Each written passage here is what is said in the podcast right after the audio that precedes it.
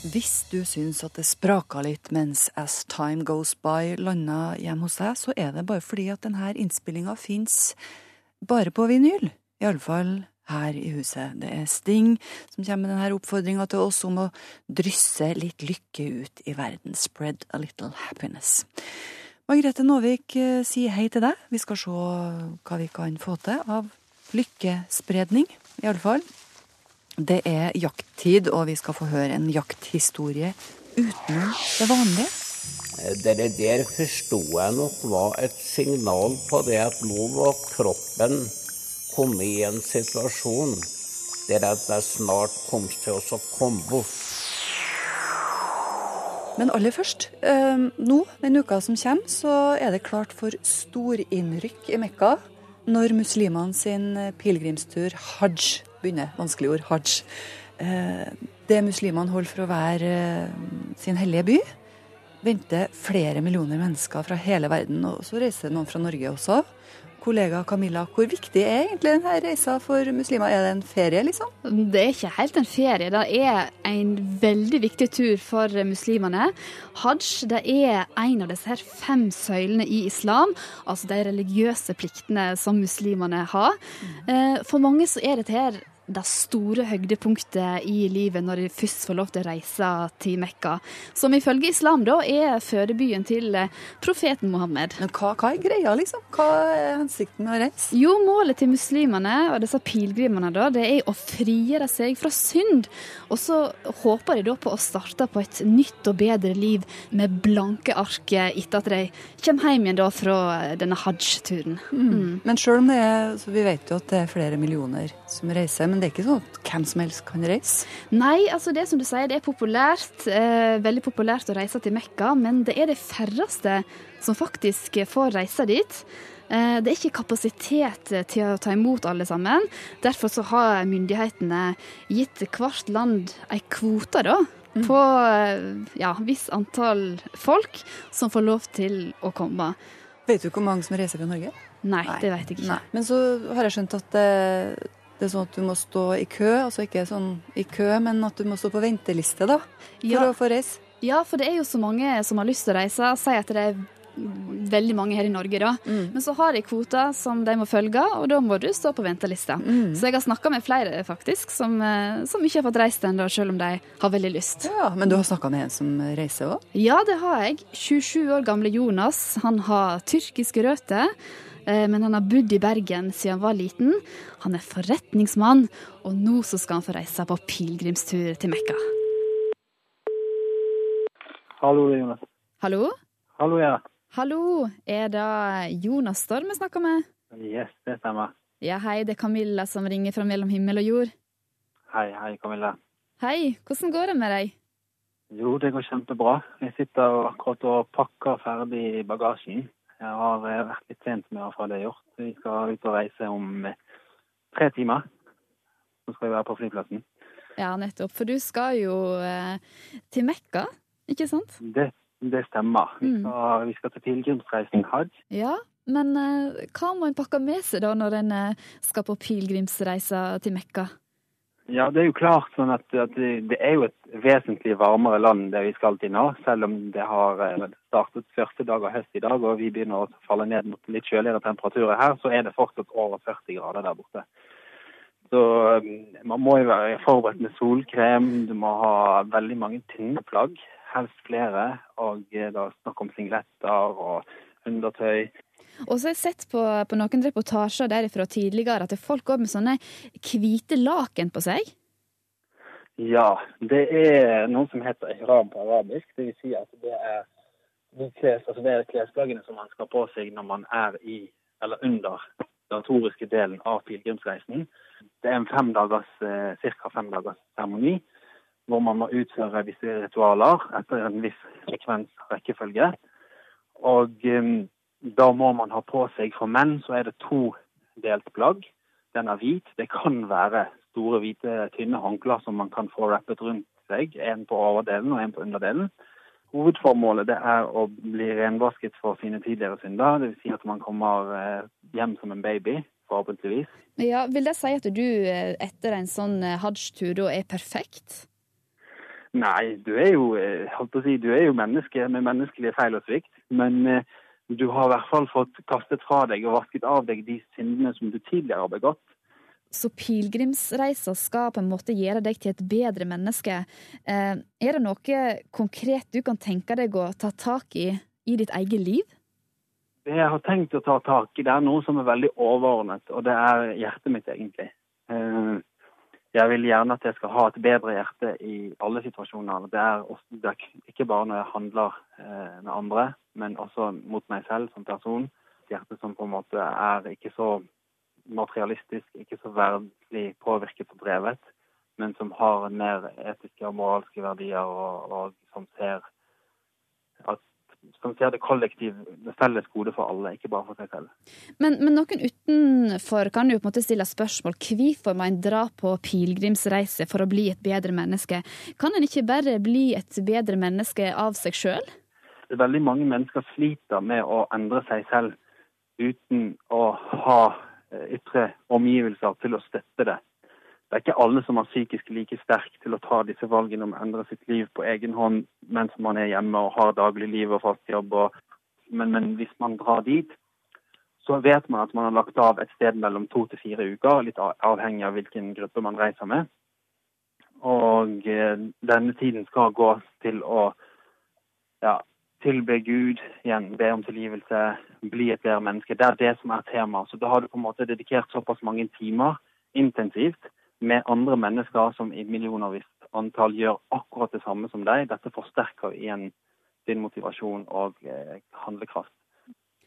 Men du, eh, nå venter jo pilegrimsreiser på deg. Du skal til Mekka. Eh, det er et eh, ganske tett program, sånn som jeg forstår det. Hva er det du gleder deg mest til på sjølve reisen? Det er å på en måte være i den situasjonen hvor man på en måte er på samme punkt i verden og plass geografisk sett som det hele startet. Samtidig så er jeg veldig glad i en seremoni der vi står på et sånt lite berg eller mindre fjell i mange timer og faktisk bare ber Gud om ting. Er det noe du har lyst til å dele med oss, noe du håper du får svaret på når du er i Mekka? Ja, om det er noe jeg har lyst til å håpe Jeg håper at jeg kan komme tilbake igjen ja. og med mer ro enn det jeg har hatt. Og det kan jeg utdype. Jeg er en person som er veldig sånn typisk økonompersonlighet, som på en måte skal ha kontroll på ting. Og eh, det er ikke alt man kan ha kontroll på i livet. jeg vil på en måte være mer, eh, mer rolig, mindre bekymret, mer eh, avslappet og positiv til det fremtiden har å bringe, ved å på en måte lære meg å stole på Gud enda mer enn det jeg gjør nå. Det blir spennende å se dette her. Vi har jo litt lyst til å følge deg når du er i Mekka.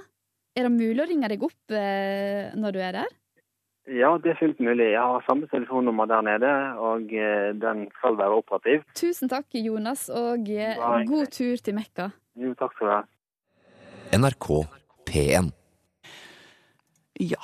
Vel møtt mellom himmel og jord, Sondre Risholm Liverød. Takk for det.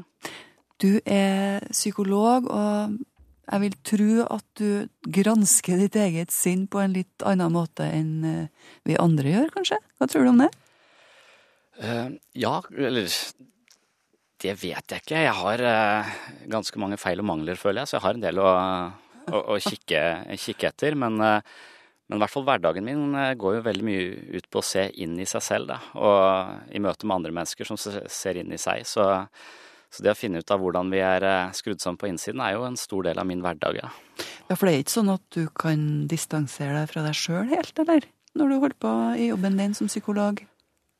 Nei, snarere tvert imot. Altså at jeg, jeg syns kanskje en av frynsegodene ved å jobbe Jeg jobber i gruppeterapi, da, så jeg jobber med ofte åtte mennesker samtidig, er at eh, jeg får eh, Gruppeterapi handler jo egentlig om å på en måte speile hverandre og vise hvordan andre hvordan vi opplever de, og, og motsatt andre vei. Så, eh, så det å på en måte eh, finne ut av hvordan jeg oppleves av andre mennesker, det kan gi meg veldig mye informasjon om meg selv. Så, og det er vel det selvutvikling går ut på. Det er å gjøre litt mer av de sidene ved oss selv som ikke er fullt så bevisst. Litt mer, eh, bli litt mer oppmerksom på de sidene. Mm. Så det, det, er jo en stor del av, eh, av hverdagen. Og jeg syns, eh, syns, det er veldig spennende, og jeg syns det er, det er litt, litt slitsomt, men man blir får hele tiden tilbakemelding på seg selv og hvordan man, hvordan man er. Og det, det, det syns jeg er på en måte en frynsegode eh, ved å jobbe som eh, gruppeterapeut, da, som jeg gjør. Jøss. Yes. Jeg har jo hørt deg formidle eh, din kunnskap, og det er grunnen til at jeg har invitert deg hit i dag. Det er at du gjør det på en spesiell måte. Du, du forteller, du, du forteller en historie som ja, trenger ikke å være helt sann. Nei, ja. men litt sann. Ja. Ja. Det er sånne ting jeg har vært opptatt av, av lenge. er også å formidle psykologifag da, på en litt sånn eh, anvendelig måte. Og når du jobber med menneskeverd, så får du egentlig mange historier, da, men, eh, og jeg har mange historier om meg selv, så, men, eh, men noen kan jo være litt sensitivt, så, så dermed så gjør jeg de litt om. Da. Så jeg konstruerer historier som på en måte er sanne, men de er ikke sånn helt faktisk sanne. Da. Alt det jeg forteller har ikke nødvendigvis hendt, men, men det er, ideene i historiene er ganske generelle da, og, og viktige for mennesker, tror jeg. Og det, det vi skal snakke om nå, det er jo følelser. Mm. Og da skal du begynne å fortelle om, om en venn. Hva skjer? Eh, Ja, eller f- følelser er jo eh, en, en av de tingene jeg snakker mye om, er det som kalles psykisk forsvar. Da. At, eh, at psyken vår har et slags immunforsvar som forsvarer oss mot sterke følelser. Altså Kroppen har et immunforsvar som eh, beskytter oss mot virus og bakterier. Og, men psyken har litt et sånn tilsvarende forsvar som beskytter oss mot veldig sterke følelser, som ligger kanskje over terskelverdien for det vi orker å ta inn over oss. Og og da er det en del sånne, en av de følelsene som folk kanskje sliter mye med, eller det er, alle har jo forskjellige følelser de, de sliter med, men sånn personlig for meg, da, så er det der frykt for døden er et tema som eh, stadig dukker opp i, i mitt liv. Jeg er ganske redd for å dø. Mm. Uh, jeg sier, jeg vet at det er litt sånn umodent, og at mange kloke mennesker ikke er, ikke er redde for å dø, men, men jeg er ganske redd for å dø. Og jeg gjør egentlig ganske mye for å unngå å dø. Da. Jeg ser meg jo for når jeg går over veien, og jeg kjører forsiktig, og jeg spiser antioksidanter, og jeg trener, og alt dette egentlig da for å for å ikke dø for tidlig, eh, rett og slett. Så jeg bruker nok mye av livet mitt på å unngå døden. Eh, og i psykologi da så sier man jo at eh, vi må konfrontere de tingene vi er redd for, på en måte. Vi må konfrontere vår frykt for døden, eller stirre døden i hvitøyet, på sett og vis. Og, og det syns jeg er vanskelig. Jeg syns Per Fugle er god til det. Jeg syns han er en fantastisk mann som jeg lytter til hver gang han eh, eh, sier noe, eller eh, han er i nærheten der jeg befinner meg, så, så lytter jeg til hva han sier om dette. Men døden er vanskelig for meg, og, og sist jeg da var konfrontert med døden, det var da når en, en venn eh, døde. Eh, ganske plutselig, litt uventa, eh, og det er selvfølgelig eh, veldig vanskelig. Eh, og i forkant da så, så visste jeg at jeg kom til å måtte si noe i denne begravelsen. Uh, og så kommer dagen da, hvor, hvor begravelsen skal være. Jeg uh, sitter ganske langt foran. Jeg vet jeg skal si noen ord, jeg skal bære kista, jeg har en del oppgaver. Og så er jeg spent på om jeg har forberedt meg godt nok. Vil jeg på en måte bryte sammen, eller vil jeg klare å gjennomføre dette på en grei måte? Og det ser ganske lyst ut i starten, men så kommer denne voldsomme musikken som de har i, i kirker. Jeg har også et litt vanskelig forhold til kirker generelt sett. Men, men nå, nå sitter jeg der og tenkte ok, det går greit, men så kommer den voldsomme musikken, og så, og så merker jeg at det begynner å vibrere i leppa. Syns det er litt flaut å begynne å gråte. Så det jeg gjør da, er at jeg prøver å tenke på noe annet. Jeg prøver å på en måte fortrenge følelsen litt, og prøver å tenke på noe som er mer nøytralt da, enn det, det som er rett, rett foran meg. Og det fungerer kanskje i en ca. 30 sekunder. Eh, og så ryker den strategien også. Og, og da er det dette mer ubevisste psykiske forsvaret kommer inn og, og hjelper meg. For at jeg skal klare meg gjennom denne situasjonen uten å overveldes av følelser, så får jeg hjelp av mitt psykiske forsvar, som da på en måte setter en slags parentes rundt følelsene mine. Eh, sånn at jeg klarer å fungere i tankene. Jeg klarer å si det jeg skal, og hilse på mennesker, og, og på en måte gjøre alle de oppgavene jeg, jeg hadde der, uten å overveldes av, av de følelsene. Så, så dette psykiske forsvaret, det, det vil da tre inn. Så, men da sitter jeg også litt der og tenkte jøss, hva er du for en kynisk fyr som ikke føler noe som helst i din venns begravelse? For det er litt den følelsen jeg får da, at jeg liksom plutselig ikke kjenner så mange følelser. Men da er det dette forsvaret som sannsynligvis da har på en måte fortrengt følelsen litt midlertidig, eh, forhåpentligvis da. For, jeg gjennomfører begravelsen ganske greit. Det, det, går, det går fint, jeg får sagt det jeg skal osv. Men det springende punktet her, og det som kanskje er viktig innenfor uh, mye psykologisk tenkning, er hva nå? Hva etter begravelsen? Uh, og, og denne, en del av den psykologien som vi opererer med, den tenker jo at våre tidligere erfaringer, eller hvordan vi har vokst opp, og hvordan vi på en måte, hvilket miljø vi har vokst opp i osv., det spiller en rolle på hvordan vi håndterer følelser i dag, i, vår, i voksen alder, på sett og vis. Mm. Så spørsmålet nå er jo hva slags miljø har jeg vokst opp i? Hva slags familie kommer jeg fra? Kommer jeg fra en familie som er vant til å snakke om følelser, som tåler følelser, som har et uttrykk for følelser og kan snakke sammen om dette? Eller kommer jeg fra en familie som tenker at uff, følelser det blir mye for oss, det skaper masse bølger på dette sosiale eller mellommenneskelige havet, så de kan vi helst ha for oss selv, eller feie de under teppet, og så kan vi late som om dette gikk greit, nå kan vi bare gå videre og glemme dette. Eh, så, så her kommer folk fra forskjellige typer miljøer og familier og forskjellig da, kultur på hvordan de uttrykker og snakker om følelser. Og en del, eh, For oss mennesker så kan det være litt vanskelig å snakke om og uttrykke sterke følelser, så en del miljøer har jo da en tendens til å bare unngå følelsene, rett og slett. Og hvis jeg da kommer fra en sånn familie, som er en hypotese i denne eh, historien, så vil det være sånn at det, i det eh, eh Idet vi da kommer hjem, så sier vi fint, nå er begravelsen over, livet går videre, og, og, vi snakker ikke noe mer om det. Og det kan fungere ganske greit en periode, men det som da skjer, er at når jeg sykler til jobb, eh, for det prøver jeg å gjøre, jeg er liksom miljøbevisst, eh, sånn så jeg prøver å sykle, sykle til jobb. Så bor jeg på et sted som heter Gimlekollen, og da er det en sånn ganske bratt nedoverbakke til jeg kommer i, ned ved bånn, eh, og da kommer en slak oppoverbakke. Og på høyre side der så ligger Oddernes kirke. Det er da min venn jeg var i begravelse da forrige, forrige uke. Men det er glemt, det er over. Eh, så nå er det på vei til jobb. Men midt i den eh, bakken, opp forbi kirken der, så får jeg hjerteinfarkt. I hvert fall det jeg tror er et hjerteinfarkt. Hjertet mitt slår eh, altfor fort. Eh, jeg kjenner det svimler for meg. Det prikker i, eh, i, armene, og det er jo sånne symptomer jeg vet assosieres med hjerte- og karsykdommer. Så jeg ringer med en gang til fastlegen min og sier at eh, nå har jeg en alder av 37 år pådratt meg hjerteinfarkt, og jeg som spiser så mye sunt og trener så mye, det her må være noe stein gærent. Så jeg får en sånn hastetime eh, foran alle. Han tar masse undersøkelser og finner ut at jeg egentlig er helt frisk. Det syns jeg er godt å høre, men jeg syns det er litt merkelig at jeg hadde da et hjerteinfarkt som han på en måte ikke kan se noe tegn til, da. Eh, så jeg slår meg til ro med det, men, men, dagen etter så skjer det samme. Jeg kommer ned eh, i bunnen av bakken, og opp denne slake oppover bakken så kommer et nytt uh, anfall. Uh, og jeg må gå sykkelen, jeg skjelver, uh, jeg har problemer med å puste. Og da når jeg tenker at dette er jo ikke hjerteinfarkt, så tenker jeg det er kreft, tenker jeg da. Uh, for det er det jeg egentlig er mest redd for. Og hver gang jeg googler mine egne symptomer, så får jeg kreft. Jeg hadde litt vondt i halsen på morgenen i dag, så da fikk jeg strupekreft. Sånn i, i nitida cirka. Så da, så, så da går jeg til fastlegen min igjen, hastetime selvfølgelig, og, og beklager meg over de symptomene jeg da har, har, hatt. Han tar meg på alvor da, og undersøker meg, finner ingen tegn til, til at jeg har kreft heller. Eh, så da, da, fortsetter det sånn, men hver gang jeg kommer ned denne bakken her, så skjer det samme, og jeg ringer til fastlegen, og til slutt så sier fastlegen at hvis jeg tror du skal snakke med en som heter Ingvar Wilhelmsen, som jobber på Vestlandet, sier han. Eh, han driver en sånn klinikk i Bergen som eh, behandler hypokondere. Da blir jeg litt krenka, litt fornærma, sier at jeg vet akkurat hvem han Ingvar Wilhelmsen er. Han har jeg truffet flere ganger, og han syns jeg er litt frekk. Og jeg syns ikke han tar pasientene sine på alvor. Så uh, det vil jeg ikke ha nå, så da skifter jeg fastlege. Uh, og det er jo mulig fire ganger i året, uh, så, så, det er egentlig ikke noe problem. Men etter hvert som du sliter ut fastlegen din på den måten der, da, så, jeg, så bestemmer jeg meg for å ta saken i egne hender. Og det betyr at når jeg kommer ned i bånn av denne bakken, og skal til på denne slake oppoverbakken, så sykler jeg en omvei. Jeg sykler via Start stadion, og så opp rundingen ned Kristiansand sentrum, for så å sykle opp til Solvang hvor jeg jobber.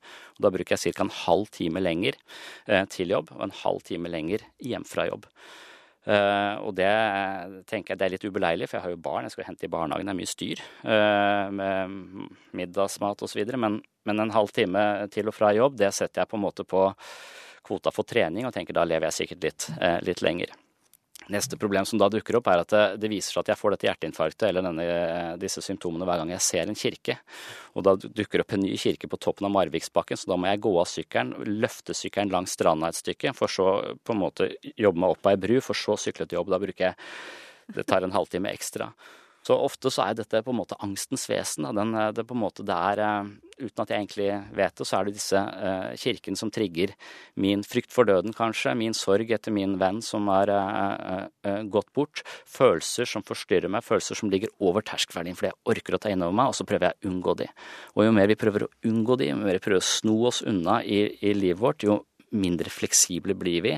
Til slutt så risikerer jeg å sitte bare hjemme da og ikke komme meg skal si, noen vei.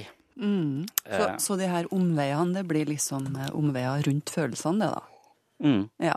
Og det er nok ofte sånn, eh, sånn vi opererer, altså at vi har en tanke Eller vi er orientert litt vekk fra smerte og mot velbehag. Så sterke og ubehagelige følelser har vi en tendens til å snu ryggen til, og de kommer til å tuppe oss bak på et eller annet tidspunkt. og for meg så er døden dette temaet da, som på en måte kunne forfulgt meg på denne, på denne måten her. Sånn. Og det hjelper på en måte ikke å unngå kirker, men jeg må konfrontere min egen indre opplevelse av død, eller mitt forhold til døden, eller mitt forhold til å miste en venn. Sorg, sterke følelser, rett og slett. Sondre, eh, hva skjer når vi ikke tar hensyn til det vi føler? Ja, det er noen som mener at eh, evnen til å tåle, forstå og uttrykke følelsene sine er sånn kjennetegn på psykisk sunnhet. Eh, og idet vi, vi på en måte forsømmer uh, vårt indre liv, så hender det vel at resultatet er en, et eller annet symptom, altså. Uh, Et sånn kroppslig symptom? ja, enten et kroppslig symptom eller angst, depresjon. Eh, et eller annet eh, tegn på at bevisstheten vår da er i ulage. Eh, at det er vesentlig informasjon vi ikke har tatt innover oss. Mm. Men hvis en først har lagt seg til denne teknikken da, som du snakka om før musikken, å sykle omveier rundt kirkene eller følelsene, er ikke det veldig vanskelig å liksom begynne å ta tak i det? Jo, det, det kan øh, være det, og det er kanskje det jeg ser på som psykologiens oppgave, er vel ofte å øh, sette språk på det som foreløpig ikke har noe språk, da. Eh, De, eh, de fornemmelsene, følelsene vi har i oss selv som vi ikke klarer å løfte opp og, og forstå, de vil ofte bare plage oss i kroppen som et symptom. Eh, Jeg vet ikke om jeg kan Mitt tydeligste eksempel på hvordan på måte det å få mer språk og innsikt i meg selv på en måte har, har hjulpet meg, er eh, en episode jeg hadde eh, for ganske mange år siden nå eh, med, med dattera mi. Hvor jeg skulle være hjemme i pappaperm. da, første- Hun er den førstefødt, og jeg var usikker. Jeg var egentlig litt redd for å være hjemme alene med henne. Men, men så kommer denne pappapermperioden min, og da sier kona mi at vet du hva, hun elsker å være på babysang, sier hun. Og det, det tenker jeg, det høres jo helt grusomt ut. Eh, så viste det seg også at denne babysangopplegget, det var i en kirke, selvfølgelig. Og mitt forhold til kirker er problematisk. Men, eh, men så er jeg så pliktoppfyllende, da, så jeg eh, tenkte at dette må jeg, må jeg stille opp på. Så jeg eh, tok eh, dattera mi på venstrearmen og en eh, en bag med våtservietter og bæsjebleier på høyre, og så, og så stilte vi opp på babysang. Der var det 16 damer som satt i ring og, og, og nynna. Og mye av ideen i, i psykologi er at 95% av det som foregår inni oss, er ubevisst. Og det er bare en sånn stusslig 5% som på en måte har helt oversikt over hva som skjer, da. Eh, Så når jeg kommer inn der sånn, så eh, i denne eh, settingen med 16 damer som nynner, så, så forstår eh, denne 5 fornuften min at disse damene er ikke farlige, og en kirke er heller ikke farlig. Eh, Men de 95 andre prosentene fortalte meg at du er i en krigssone. Her er det livsfarlig. Eh, Ja, du må komme deg ut så fort som mulig. Så hele kroppen min går på, rett, på sett og vis i alarmberedskap da, eh, i en situasjon som åpenbart ikke er, ikke er farlig. Og da er det dette som skjer, at hjertet mitt begynner å slå fort. Det begynner å pumpe masse blod ut i de store muskelgruppene, hvor ideen da er at jeg enten skal angripe de damene eller stikke av. Eh, og ingen av de to alternativene er jo spesielt gunstige på babysang i Søm kirke utenfor Kristiansand. Eh, eh, så, så jeg blir sittende her og prøve å nynne med på refrenget, men klarer det egentlig ikke. Det er jo igjen en sånn type angstanfall? Hvor, eh, hvor jeg er redd, men denne frykten har ikke noe ansikt, jeg har ikke noe forståelse, jeg har ikke noe språk på det som foregår inni meg. Det er bare kropp og vondt og smerte. Men da jeg kom hjem den kvelden, eller noen dager etterpå, så leste jeg Knausgård. Eh, og det var litt tilfeldig, da Knausgård var veldig populær på den tida, sånn seks-sju år siden nå. Sånn sørlandsforfatter også, så jeg, jeg syns det var helt fantastisk å lese han, for han har brukt seks bind på å kikke inn i seg sjøl og finne ut av hva foregår eh, her inne. Og så viser det seg at han er eh, mann nummer to i Norge som går på babysang. Jeg tror ikke det er så mange menn som egentlig gidder å, å gå på det, men Knausgård gjør også det. Eh, Og han da, på en måte, han har så mye mer språk enn meg, han har så rikt språk, så når han da skriver en 15 sider om eh, hvordan han har det på babysang, og hvor han også skriver at menn som går på babysang står i fare for å bli impotente og miste sin maskulinitet, så skjønner jeg hva som skjedde. Jeg får et språk på hva som foregår. Denne frykten, denne kanskje trusselen mot min maskulinitet eller et eller annet, det, det, det, får en, det, får et språk. Og det er ikke sikkert det språket er riktig, men det er en begynnelse på å forstå hva skjer i meg. Mm. Og idet jeg klarer å løfte det opp, idet jeg klarer å, å, se det og gi det et, et uttrykk, så, så, løfter jeg det litt vekk fra hjerteinfarkt, da. Eller fra hjertebank og, og, og kropp. Men, hva, men hos, hva, gjør du med det da, da? Uh, nei, jeg, jeg, da, da mye hvis, hvis, jeg kan forstå hvorfor jeg reagerer, så vil det ikke ta meg så på senga. Jeg vil være litt mer forberedt. Jeg vil kunne håndtere og regulere følelsene mine mye mer. De følelsene som bare dukker opp uten at jeg vet hva de er for noe, de kan overmanne meg. Men idet jeg skjønner at nå er det denne frykten for din egen maskulinitet eller døden eller hva det skal være, en gang jeg klarer også å, tematisere det, så får jeg litt mer oversikt, og jeg har mye større mulighet til å regulere meg selv ned da, i situasjonen. Mm. For, uh, for, følelsene er jo da litt malplasserte. De er for sterke ut for den situasjonen jeg er i. Mm. Uh, ja. De, er ikke rasjonelle, nei. De er ikke rasjonelle, nei. Men du snakker jo om det mørke tjernet, sånt bilde som du bruker. Det, den delen av oss som vi ikke har kontakt med. Det som er vanskelig, er det sånn? Ja, eller det, det er en sånn Egentlig, eh, sånn I forhold til selvutvikling så er jeg opptatt av eh, litteratur, og gjerne skjønnlitteratur også, men med en som heter eh, ja, Joseph Campbell, som snakker om mytologi, og, og kanskje dette kjernet tror jeg faktisk er fra Robert Bligh, som har skrevet denne manne, manneboka. Men psykologien deler seg litt, er min opplevelse i hvert fall på dette området, hvor, hvor det er noe som heter dybdepsykologi. Eh, som på en måte sier at eh, vi er nødt til å gå dypt inn i oss selv. Eh, og vi må tåle, forstå og kjenne på alle følelsene. Vi må leve følelsene. Vi må leve forbi følelsene. Vi må også leve smerten, på sett og vis. Mm. så psykisk lidelse vil i denne eller psykiske problemer eller psykiske utfordringer vil i den dybdepsykologiske tradisjonen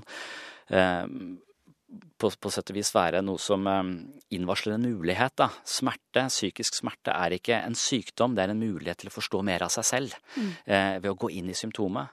Mens den andre leiren, som er mer sånn psykoteknisk, sånn, sånn kognitiv terapi og sånn, vil si at det, eh, hvis du har eh, angst eller depresjon eller veldig vanskelige følelser, så er det fordi du tenker feil. Så du mm. må endre måten å tenke på for å endre følelsen. Hvis du endrer holdningen din til livet, så vil livet ditt forandre seg. Så den er litt mer sånn teknisk. Så du tenker sånn og sånn, du har de og de ideene, og de går igjen i huet ditt. Hvis du endrer de litt, så vil følelsen også endre seg. Så den opererer litt mer sånn eh, ja, skal vi si, ja, teknisk.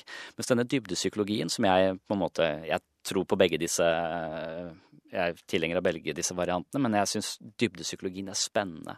Og Der syns jeg Robert Bligh har et sånt godt bilde på, på dette, hvor han, hvor han, sier at inni alle mennesker så finnes det et mørkt, mørkt tjern. I bunnen av dette tjernet så er det masse hår og masse drit og noe skumle. Det er mørkt og, og, og vondt og for jævlig, rett og slett, der nede i dette tjernet. Eh, så vi vil eh, dypest sett prøve å unngå det. Mm. Og da sier han at du kan unngå det. Du kan prøve å liste deg rundt og holde deg så langt fra eh, bredden som mulig. Eh, et helt liv nesten. Men hvis du kommer for nærme tjernet, så kommer det på en måte en hand opp fra tjernet og trekker deg ned, sier han.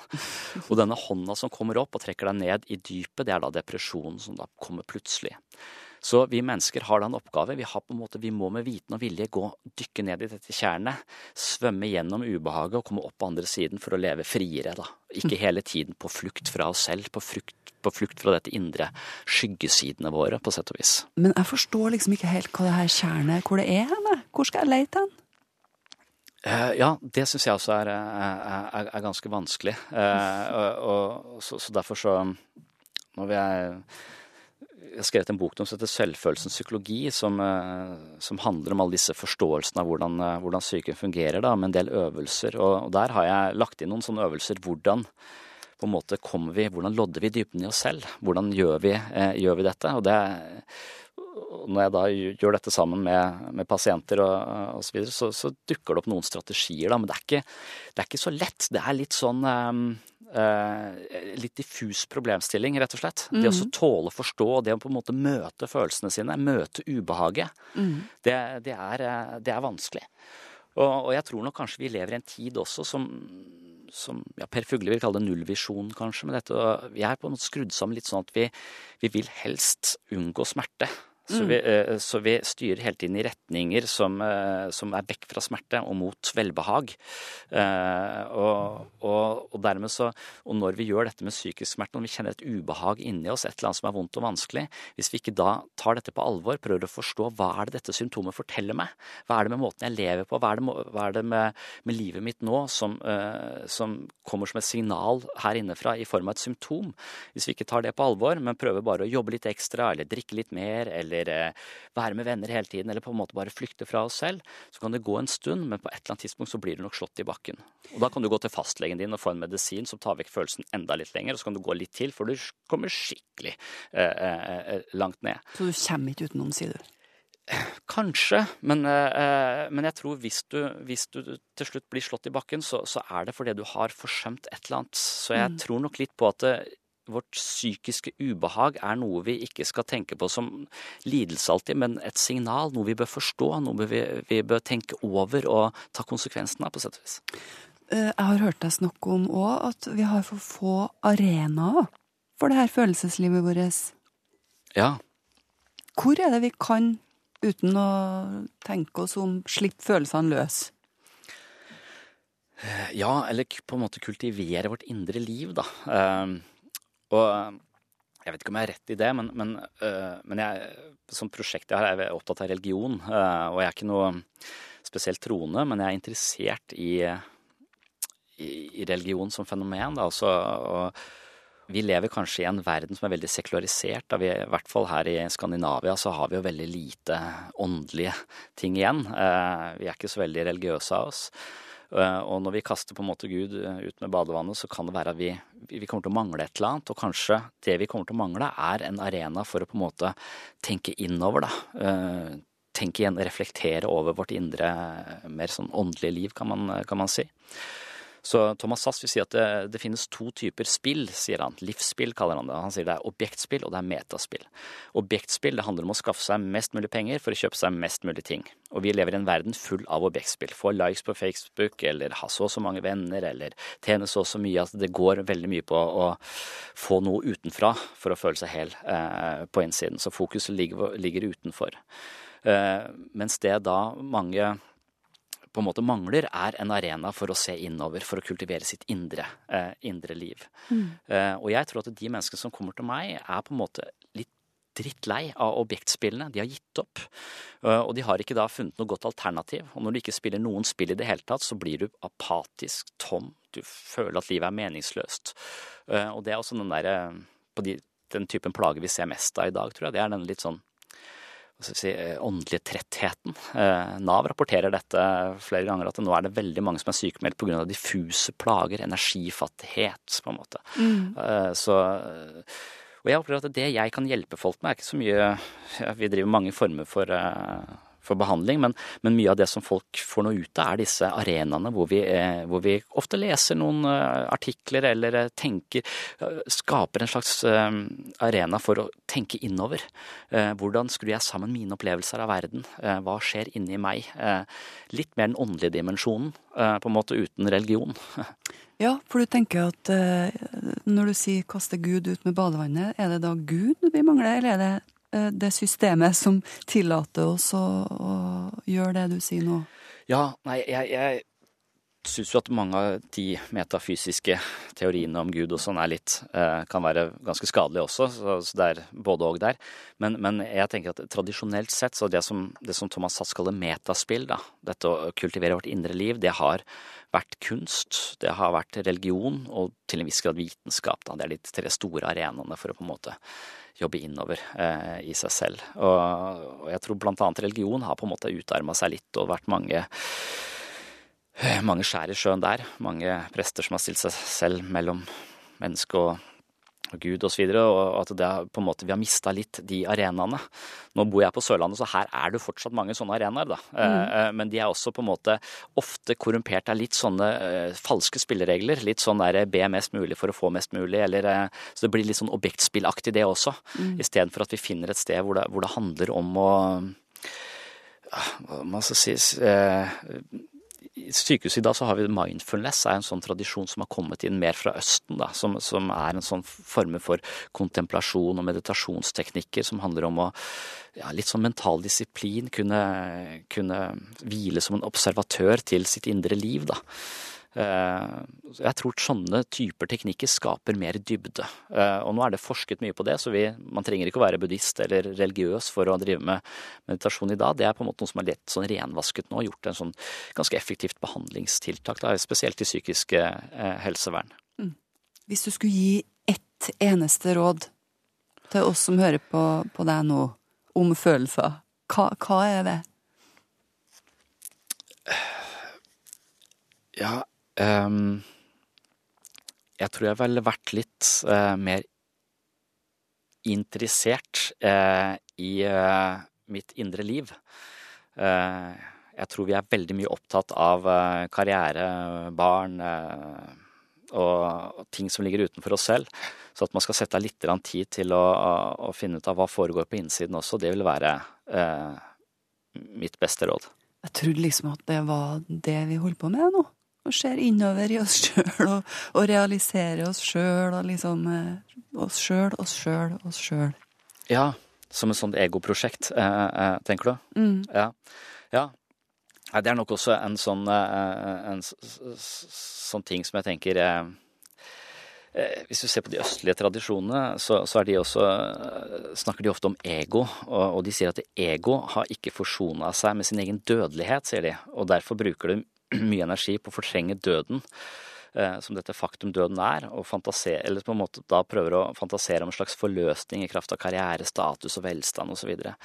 Eh, så, så egoet vårt er nok eh, på en måte veldig opptatt av meg og mitt, å få noe fra omgivelsene for å føle seg hel. Da. Og mye av denne New Age-aktige selvutviklingen handler nettopp om en sånn forherligelse av meg og, og, og mitt. Men en viktig del av det å utvikle seg eh, i forhold til disse hva skal si, De religiøse tradisjonene også handler jo mye mer om å tenke på andre og mindre om på seg selv. Mm. Det å følge en større visjon, det å ha en større mening, det å på en måte bry seg genuint om andre mennesker, altså medfølelse. Eh, dyrke medfølelse og prøve å ja, komme seg litt unna dette på en måte trange ego som hele tiden kjemper om likes eller blir sett og alt dette her. Det er den kampen, da. Så det er nok dette ego som, eh, som, på en måte er roten til veldig mye av vår psykiske smerte. Og det å gi denne ego litt mindre makt, det handler kanskje om å avsløre det litt og se hva er det dette ego egentlig driver med eh, mm. når det kjører meg rundt i, i, i, livet her. Så med det å se innover, så mener du altså avsløre seg sjøl litt, da?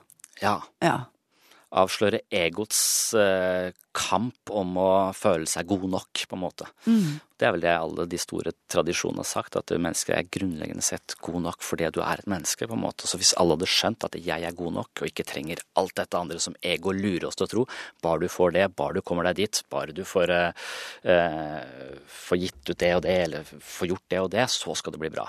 Sånn jages vi ofte gjennom en helt liv, da, på jakt etter tilfredsstillelse. Så vil jo de si at det men det er akkurat her og nå du lever. Eh, det er ikke i fremtiden. Og det å hele tiden galoppere mot en tenkt fremtid, det kan på sett og vis frarøve deg hele livet. Var ikke det fine ord å slutte med, da? Jo. Ja. Sondre Risholm Liverød, tusen takk for, eh, for, det tipset, og takk for besøket. Jo, takk for eh, invitasjonen. NRK P1 Enten du tror på det som står der eller ikke, vi finner mange spor av Bibelen rundt oss, for eksempel i språket og i tradisjonene våre. Men har du tenkt på hva slags rolle Bibelen har spilt for demokratiet og ytringsfriheten i Norge? Dag Kullerud har skrevet boka Bibelen, boken som formet vår kultur, og der skriver han litt om eh, hva han mener kampen for religionsfrihet har betydd for den demokratiske tenkninga i Norge. Det at stadig flere mennesker kunne lese Bibelen, fikk tilgang til Bibelen, det skjedde omtrent på samme tiden som det norske demokratiet utviklet seg.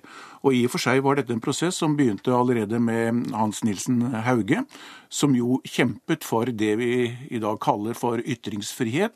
Han mente at enhver måtte få tro og, og elske hva og hvem de nå enn ville, og ingen kunne tvinge noen til å tro. Faktarute Hans Nilsen Hauge 1771 til 1824. Lekpredikant med enestående påvirkning på norsk kristenliv. Reiste over hele landet for å forkynne. Gikk 15 000 km til fots, gjerne mens han strikka. Og gjennom sin eh, utvidede møtevirksomhet, der han brøt konventikkelplakaten, så kjempet han også gjennom samlinger med mennesker for eh, ytringsfrihet. Faktarute konventikkelplakaten. Det var forbudt for lekpredikanter å holde gudelige samlinger for folk hvis ikke presten hadde godkjent det. Men det var jo akkurat det Hans Nilsen Hauge drev med, så han kom i fengsel. Konventikkelplakaten ble oppheva i 1842, og det la grunnlaget for forsamlingsfriheten vi har i Norge.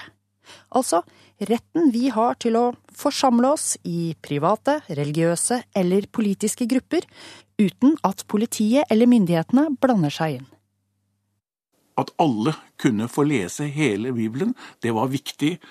Og faktisk før, eh, rett før Bibelselskapet ble etablert i 1816, så var det en eh, diskusjon innad i arbeidsgruppen til eh, dette bibelselskapet, de som planla etableringen, om hvorvidt man skulle trykke hele Bibelen eller bare deler av den. Biskopen i Kristiania, Beck, han mente at man ikke kunne trykke hele Bibelen, mens eh, blant andre slottsprest Klaus Pavels mente at Beck i så fall gikk inn for en kastrert bibel.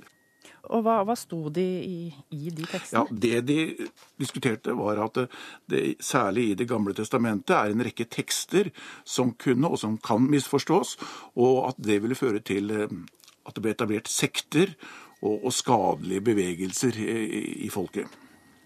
Og Han brukte da blant annet som begrunnelse eh, fra Salme 79 og det sjette verset, øs vreden ut over folkeslag som ikke kjenner deg, over kongeriker som ikke påkaller ditt navn. Og han spurte så hva kunne ikke sånne ord føre til av svermeri og fanatisme. Og hva sa de som ville trykke hele? Nei, de mente at eh, folk eh, selv skulle ta stilling til eh, teksten sånn som den er. Og det var en av Hans Nilsen Hauges kampsaker. Et uh, viktig trekk i demokratisk retning er uh, vedtaket om uh, dissenterloven i 1845. Dermed ble religionen på et vis frigitt, og folk kunne tenke og tolke og tro som de ville, i mange ulike kristne organisasjoner. Faktarute dissenter. En som var med i et kristent trossamfunn utenfor den norske statskirken. Før 1845 var det strengt forbudt. Det at dissenterne, som metodister og baptister, katolikker, at de kunne etablere sine egne menigheter uavhengig av det statlige religionsvesen, det bidro til en frigjøring fra prestemakt, det vil også si embetsmakt. Og dissenterne de kjempet jo ikke bare for sine egne rettigheter, men for at alle borgere skulle bli stilt likt, uavhengig av tro og livssyn. Så dissenternes eh, kamp er et undervurdert aspekt i utviklingen av demokratiet utover i 1800-tallet og utover på 1900-tallet. Dette tror jeg hadde en stor betydning også for samfunnsutviklingen for øvrig. Ja, på hvilken måte da? Jo, eh, dette at man kunne tenke og vurdere en sånn autoritativ tekst som Bibelen, uavhengig av de som var satt til å forvalte denne teksten, og til å forstå og lære og formane etter denne teksten, det at vanlige folk kunne gjøre det selv, det representerte på mange måter en frigjøring av ånds- og tankeliv. Fram til eh, annen så var Bibelen den viktigste normgiveren i, i, norsk offentlighet. Altså Bibelen lå til grunn for, for skole og for uh, staten. Uh, Riktignok med mindre og mindre styrke, til og med den andre verdenskrig. Men etter den andre verdenskrig så skjer det noe nytt. Da kommer menneskerettighetene. Og det er disse som etter hvert overtar som det viktigste eh, verdisettet, og som blir det normgivende for mye av tenkningen, også den politiske tenkningen i samfunnet. Hva skjer med Bibelens posisjon da? Den svekkes helt åpenbart. Og jeg tror det har skjedd en kraftig endring i måten Bibelen blir lest på og, og også formidlet på. Tidligere så var det nok det mer belærende, formanende og også dogmatiske som rådet. Og det var nok også noe av det som øh, vekket stor motstand hos mange mennesker. I dag er det nok en helt annen type forkynnelse. Øh, det er mer nåde, det er mer eh, kjærlighet. Det er eh, Forkynnelsen bærer mer preg av eh, diakoni og, og sjelepleie. Så det er, en, det er en annen, helt annen vektlegging av Bibelens tekster i dag enn det var bare for noen få tiår tilbake. Dag Kullerud har skrevet boka Bibelen, boken som formet vår kultur, og Ragnhild Sleire Øyen laga denne saken for Mellom himmel og jord. Hei, jeg er Lovlin Ryhell Brenna. Jeg jobber med talentutvikling og jobber med å få flere kvinner opp og frem i topplederposisjoner i Norge.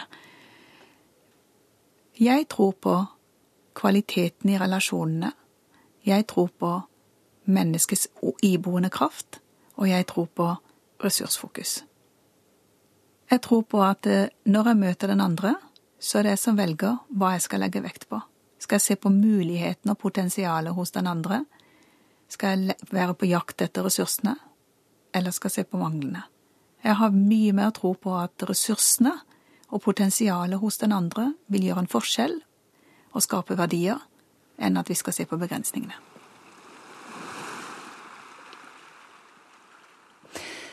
Det nærmet seg selve årets høydepunkt for mange. Høstjakta og elgjakta er nå like om hjørnet. De fleste jegere er vel gode på jakthistorier, for det skjer oftest noe uforutsigbart når såpass mange mennesker med gevær på ryggen beveger seg inn i de djupeste skogene. Nå skal du få møte en ivrig elgjeger med en eh, jakthistorie som du sannsynligvis aldri har hørt maken til. Ja, navnet mitt er Petter Skansen. Og jeg bor jo da i sentrum av Åfjorden, altså Årnes, mm. i en enebolig her. Det blir jo på Fosen-halvøya. Og da befinner vi oss på kysten av eh, Trøndelag. Da jeg lette etter telefonnummeret til Petter Skansen, står det under navnet hans i telefonkatalogen prestevikar. Det viser seg at eh, i utgangspunktet var han menighetssekretær i Åfjord, men han var flink med folk, hadde gode talegaver og endte opp som en populær og folkelig og etterspurt vikarprest. Neste år fyller Petter Skansen 80 år. Historien du nå skal få høre, hendte 27. september for snart eh, to år siden. Det var en regntung dag, himmelen var nærmest eh, gråsvart, og det var tid for eh, jakt. Ja, da må jeg vel innrømme at jeg er jo elgjeger. Jeg har vokst opp med elgjakta på heimgården oppe i Sela. Det var veldig godt vær den første jakten da, i 2014, dvs. Si den 25. Eh.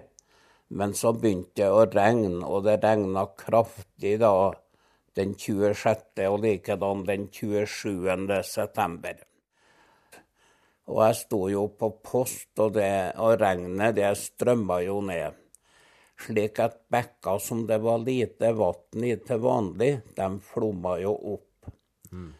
Jeg sto jo i jaktklærne og ble etter hvert eh, nokså gjennomblaut, slik at jeg fikk anledning til å forlate posten og så ta en tur da til bilen som sto, sto ved nabogården. Underveis dit så var jeg jo nødt til å komme over en bekk, og den var jo breddfull av vann. Du skjønner det, jeg forsøkte jo da å hoppe over. Jeg har jo geværet da i den ene handa, og så har jeg sånn en skytestokk eller skytestav da i den andre handa.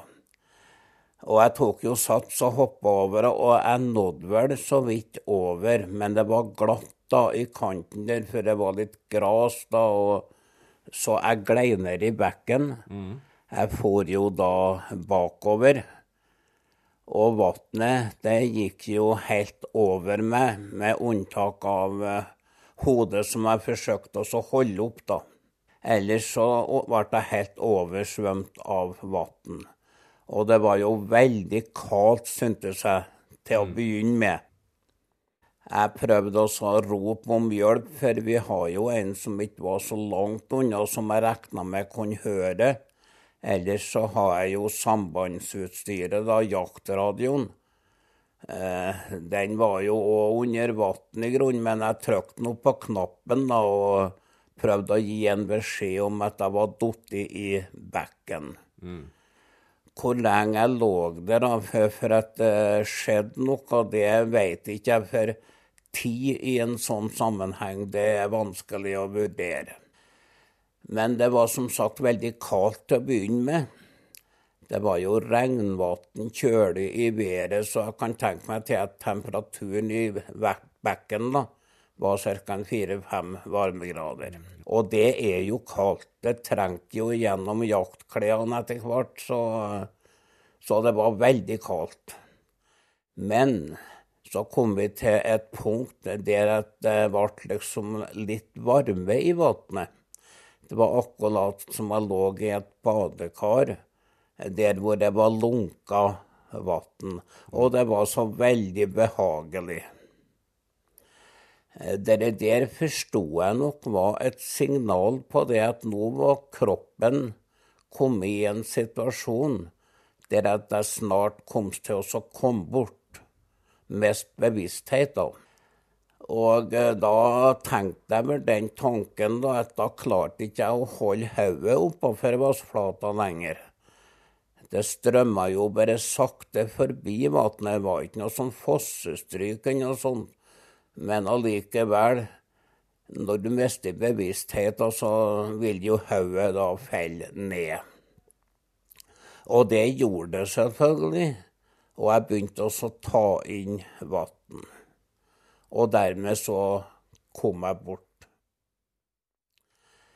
Det som skjedde videre da, det var det at jeg opplevde at jeg var på en annen plass. Der det var veldig godt å være. Jeg har aldri opplevd noe sånt før. For det første så så jeg det at det var en plass der at det var et sånt klart lys. Et helt spesielt lys som jeg ikke kan forklare i grunnen. Og følelsesmessig så var det som sagt veldig godt å være der, og jeg følte at jeg var rein i meg sjøl. Jeg skjønte etter hvert det var, at det var himmelen jeg var kommet til. Og det var som sagt godt, veldig godt å være der. Når jeg tenker på det i ettertid, og likedan umiddelbart etterpå, så er det vel tre ord som kanskje kjennetegner da den situasjonen som jeg var i. Det var salighet, og det var glede, og det var fred. Jeg har vel preka om herre en gang, men ikke opplevd det sånn før. For eh, jeg var glad, og jeg har fred og jeg var rein i meg sjøl. Det har ikke jeg opplevd før. Og jeg visste at Jesus var sammen med meg. Jeg så han ikke. Jeg så vel i grunnen veldig lite utenom dette her med lyset, men tilværelsen der, den var helt ubeskrivelig. Så må jeg vel gå litt videre. Hvor lenge da at jeg var i bekken, det vet ikke jeg. Men det første jeg opplever når jeg kommer til meg sjøl, det er det at de har fått meg opp ifra bekken. Det var vel en to-tre stykker som har kommet av jaktlaget. Så jeg sto på føttene når jeg kom til meg sjøl. Og jeg har aldri vært så skuffet. Det er nok mange som syns det var rart. Var du ikke glad for at du overlevde, da? Du har jo en familie og Ja, glad, jeg vet ikke om det var det rette uttrykket, men det var så mye bedre på den andre sida. Derfor så var det trasig å komme tilbake. Og det gikk vel i grunnen ei tid før for at jeg forsona meg med at jeg var både det gamle mennesket, og at jeg var kommet tilbake igjen til en jordisk tilværelse. Hva sa disse jaktkameratene dine? Hva slags tilstand fant de deg i egentlig, i vannet der? Ja, altså De har egentlig ikke sagt så veldig mye om det. Du vet, de fikk meg jo opp av bekken, fikk av meg ryggsekken. Bek, altså, ryggsekken var jo da full av vann. Og likedan så strømma det vel vann ut ifra moren min, slik at eh, lungene ble delvis tømt, i hvert fall. Men eh, de har vært veldig forsiktige med å sagt så mye i den sammenhengen. Mm. Jeg tror det var en nokså sterk opplevelse for dem òg. De var vel de første rekke glad for at jeg levde. Ja, ja det vil jeg tro. Ja. Sjøl om jeg følte det helt annerledes når jeg kom til meg sjøl. At jeg var skuffet når jeg var kommet tilbake igjen. Ja, Sa du det til de da, eller? Nei. Det gjorde jeg nok ikke, nei. Nei. Det var ting som var holdt for meg sjøl. Det er vel noe jeg har satt ord på mer seinere. For at eh, jeg var vel Jeg har aldri vært så skuffet som når jeg kom tilbake til meg sjøl der. Hvordan opplevde du å være rein, da, som du sier? Ja, det er vanskelig å forklare. Du vet, hvis vi tenker på tankene våre, så kan jo de være opptatt av både det ene og det andre. I mitt arbeid så har jeg som sagt møtt mange mennesker, og jeg eh, er nok lik en som de andre. Dette med tankeverden, den styrer vi ikke. Det er ikke bare gode tanker, men det kan være vanskelige og dårlige tanker. Men det var helt rent. Jeg har ikke noe så sånn, sånn plager. Rein i hjertet. Renset. Det var helt spesielt. Og jeg kommer nok aldri til å glemme det. Sjøl om at det blir litt annerledes når en har det en del på avstand, så glemmer jeg det aldri. Og jeg vet hvor jeg skal hen når, det, når den dagen kommer at jeg skal bryte opp. Dette lyset, som du sier, hvordan opplevde du det, det lyset? Ja, der er det vel òg vanskelig å sette ord på det. Det blir jo ei opplevelse som vi har som vi ikke har kanskje ord for. Det var et veldig behagelig lys. Det var akkurat som det stråla da ifra en kilde og eh, mot meg.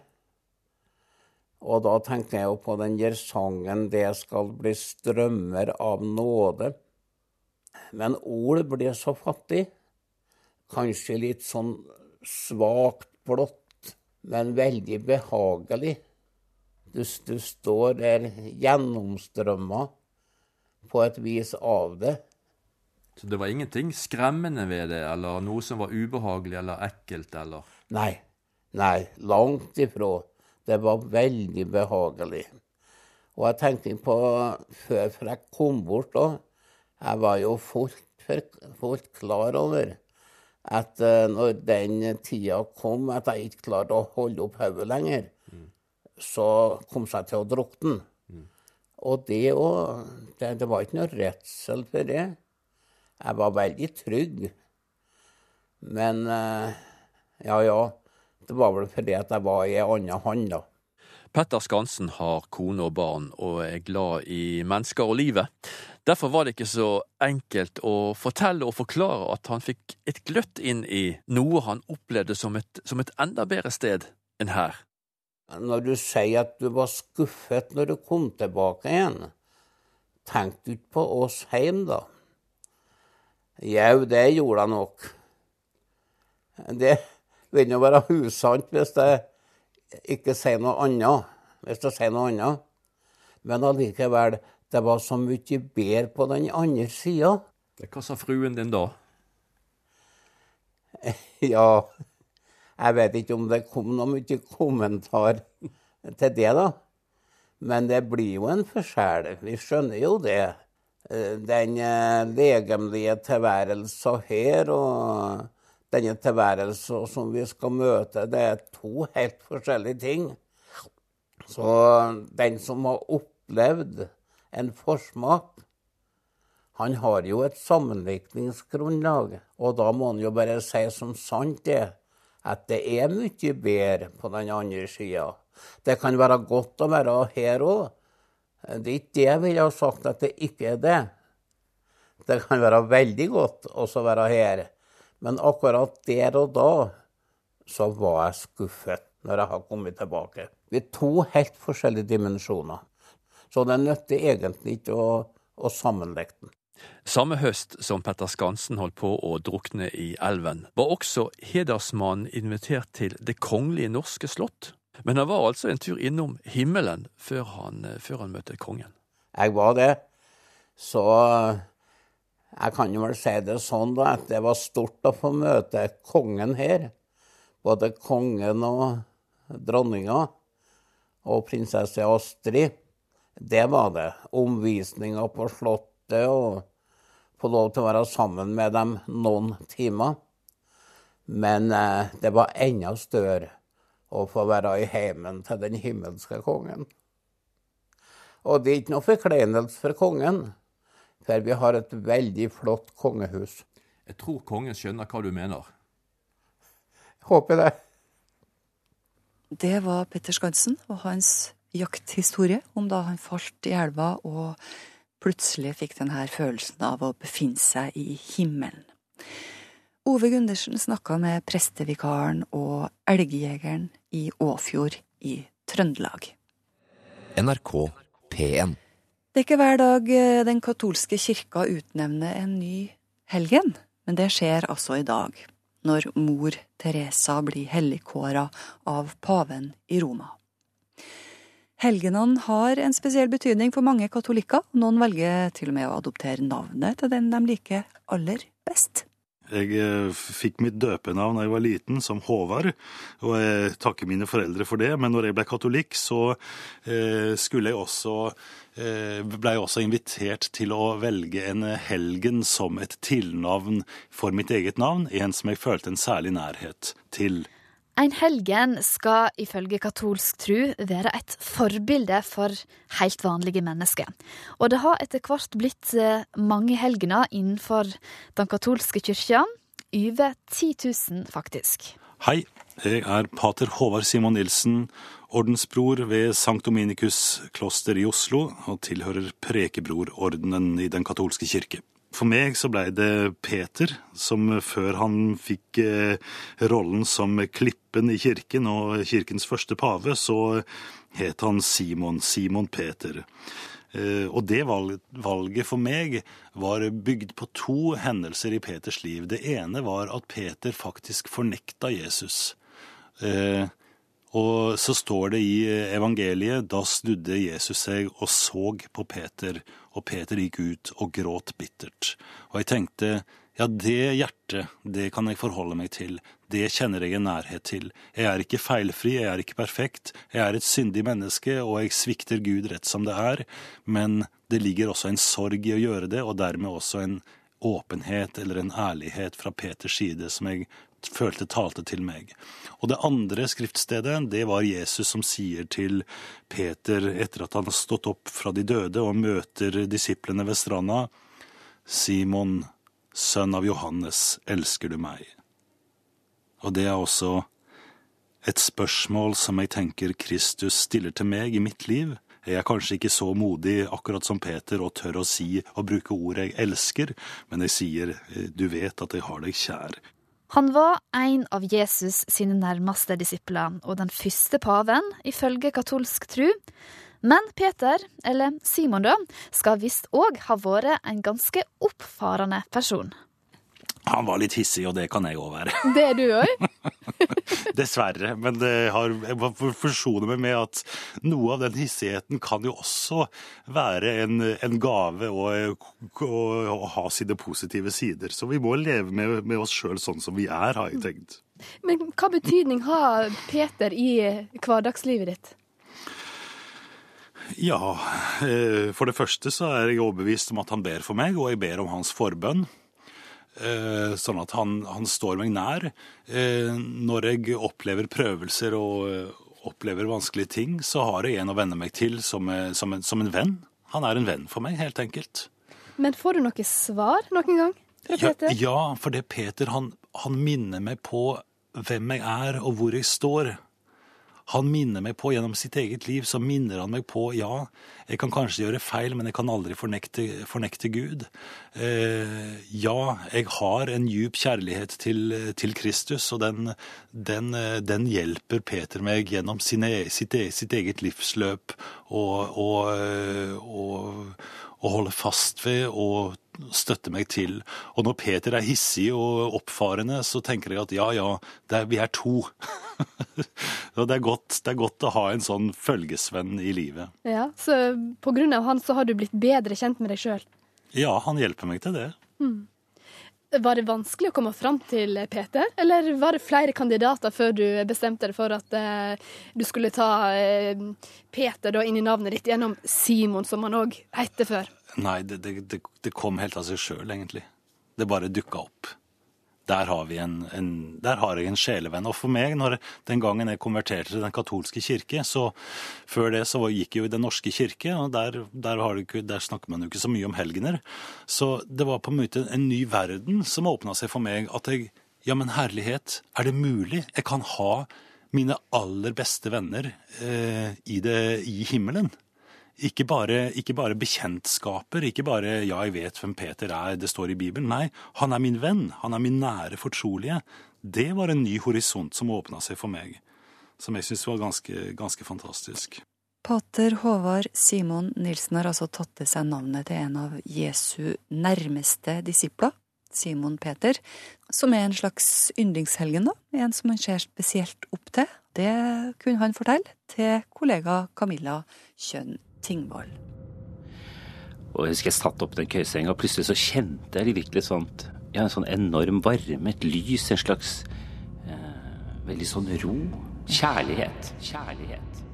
Ja, ja, faktisk. Eller sånn veldig ro. Jeg har tenkt på den følelsen mange ganger. Men jeg vet jo ikke hva det var. Om det virkelig var Gud, eller om det bare var noe som eh, jeg hadde behov for der og da. Himmel og jord, krøllalfa, nrk.no.